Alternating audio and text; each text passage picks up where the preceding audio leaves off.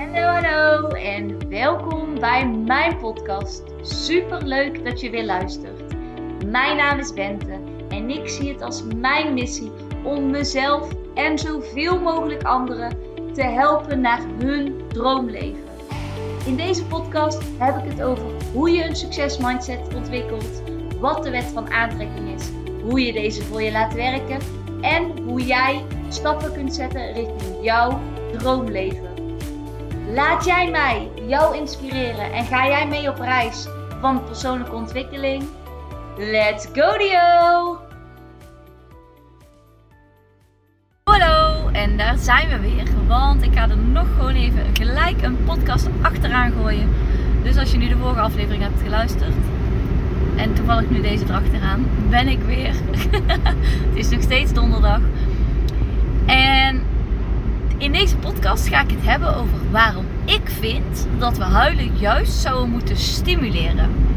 En een van de dingen eh, en de inzichten die mij daarbij heeft geholpen is een stukje eigen ervaring.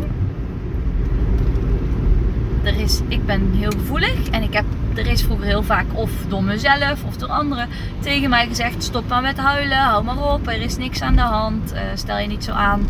Je kent het wel. En vervolgens wordt dat dan helemaal zo'n ding als volwassene.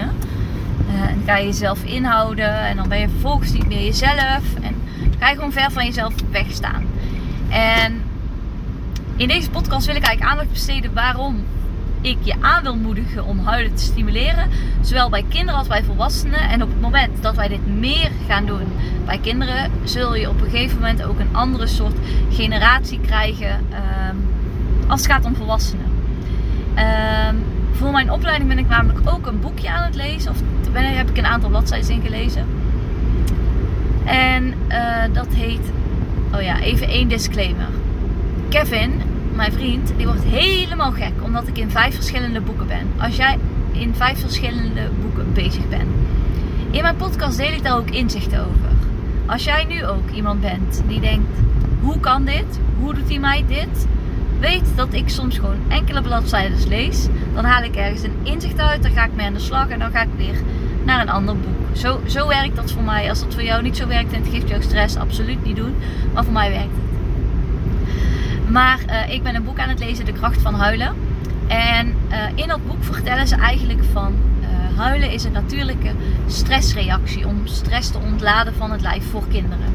Voor kinderen zijn er namelijk vier van zulke soort reacties. Dat is lachen, geeuwen, huilen en spel.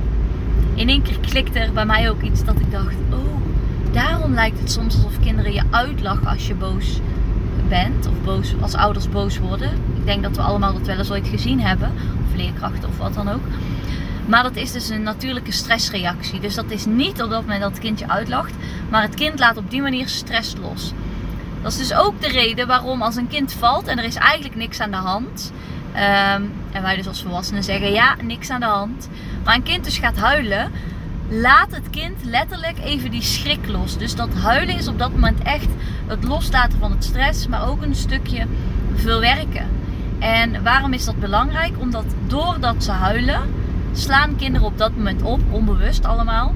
Slaan ze op, oh, deze stress hoort alleen bij nu deze situatie. Dus stel, um, ik val heel hard als kind, nou, dan huil ik. Of ik val niet zo hard, maar ik huil in ieder geval. En dan daarna is in principe, staat er een vinkje achter die situatie en dan, dan is het opgelost. op het moment dat we dat niet doen, dus dat we eigenlijk huilen en dan wordt meteen gezegd niks aan de hand, hou nou eens op, veeg je tranen weg. Dan stoppen we het weg en dan gaat het in ons lijf zitten. Dat gebeurt vaker en vaker en vaker en vaker en vaker en vaker en vaker. En wij nemen, hoe vaker het gebeurt, elke keer als dan die situatie zich weer voordoet, hoe groter de stress wordt. Want niet alleen de stress van dat moment komt, maar ook van al die momenten daarvoor. En hoe vaker het er niet moet zijn, hoe groter eigenlijk de stress wordt. Tot er op een gegeven moment een punt komt als volwassene dat je denkt: Goh, ik voel me een beetje apart. Ik heb een bepaalde onrust. Ik wil naar de kast graaien. Ik wil uh, de hele tijd op mobiele telefoon. Ik heb elke keer zin in alcohol. Ik wil, nou ja, drugs. Ik wil uh, dingen gaan kopen. Allerlei kopingsmechanismen om om te gaan met die onrust die eigenlijk is opgebouwd door al die momenten dat we eigenlijk ons gevoel hebben weggedrukt. Al die momenten dat, we, dat iemand zei tegen ons of wij zelf dat die gevoelens er niet mogen zijn. En als je, als je het zo omschrijft en verklaart, denk ik, wow, is super logisch. Ja. En dus ook geeuwen. Geeuwen is ook losstaat. Ik weet dat, maar ik weet dat heel veel volwassenen, vooral mensen, uh, ja, ga ik het zeggen, die soms nog een beetje van de oude stempel denken, die dat onbeleefd vinden. Terwijl het heeft niks met jou te maken. Op dat moment voelt de volwassene zich natuurlijk ook gespiegeld en aangevallen. Uh, als hij of zij dat zegt. Maar dat is dus heel interessant. Dus ik wil je eigenlijk uitdagen om bij jezelf en bij anderen. Ik ben mezelf ook echt aan het trainen. Met kinderen deed ik dat al, was ik daar al heel veel mee bezig. En nee, dat lukt niet altijd. Maar drie keer wel is beter dan, is al meer zeg maar dan drie keer niet. Dus ga jezelf daarin gewoon trainen. Als iemand begint te huilen, adem eerst een aantal keer zelf diep in. Want dat is wat er gebeurt. Vaak als een kind begint met huilen, beginnen wij onszelf als volwassenen rot te voelen. Wij als volwassenen willen dat zo snel mogelijk stopt, omdat de meeste van ons niet is geleerd hoe wij daarmee om moeten gaan en wij worden er ongemakkelijk van. Niet het kind. Want het kind helpt soms letterlijk 30 seconden of 1 minuut en gaat daarna weer verder met zijn of haar leven.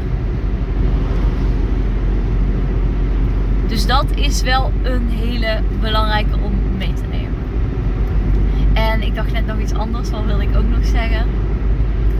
Ik zie ondertussen echt, nou, dit is wel echt uh, semi-droomhuis voor mij en Kevin. Dus dit ga ik wel eventjes uh, onthouden. Dit is wel echt heel gaaf. Wauw!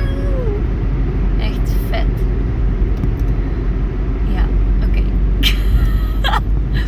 ah, project Droomhuis manifesteren. Kun je leren. Ja, echt vet. Ah, oké, okay. bent focus. Het over huilen. Oh ja. En ik wilde zeggen, met kinderen ben ik daar al mee bezig. Dat lukt ook niet altijd. Maar ik zei al, drie keer wel is al beter dan drie keer niet. En als het een keer niet lukt, kun je ook gewoon zeggen: Sorry dat ik er niet voor je was. Want zoals je weet, kinderen zijn ook mensen. en voor mezelf is dat ook echt een training. Want ik heb ook al meerdere momenten gehad. Want ik heb dat boek anderhalf week geleden gelezen. Dat, dat stuk uit het boek. En ik heb sindsdien meerdere keren gehad dat ik dacht, ja, ik ga nou niet huilen. Ik denk, Bent, kom op. Laat even die tranen eruit. Laat ze er even zijn.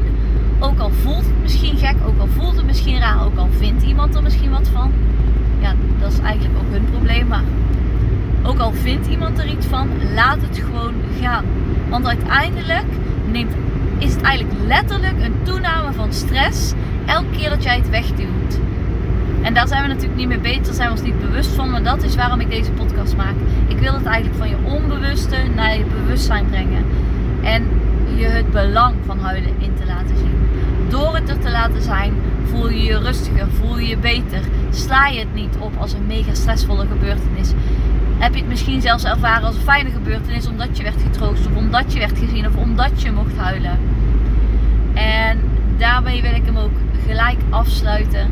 Maar ik wil je echt uitdagen. Ga het huilen bij jezelf, de mensen om je heen, je partner en je kinderen of kinderen van je werk of uit je omgeving. Ga het stimuleren. We zouden allemaal meer moeten huilen, want dan zouden we allemaal gelukkiger zijn in het hier en nu. Oprecht, daar geloof ik zo in. Dus zet mijn podcast uit, ga lekker een potje huilen. En uh, nee, echt, maar ik wil je uitdagen, want ik heb het zelf gemerkt. Soms ben je, als je het wegduwt, ben je er uren mee bezig, of een uur of een half uur. En soms als je er laat zijn, ben je na twee minuten, stoppen de tranen en is het gewoon goed. En dan kun je daarna ook weer verder. Terwijl als je het niet doet, blijf je er heel vaak in hangen. En dan blijf je in die situatie waar je eigenlijk niet wil zijn en die je eigenlijk probeert weg te duwen, maar dat werkt niet. Dus, volgens mij is het duidelijk, ik uh, rond hem hier af. Ik spreek jullie de volgende keer weer. En tot morgen!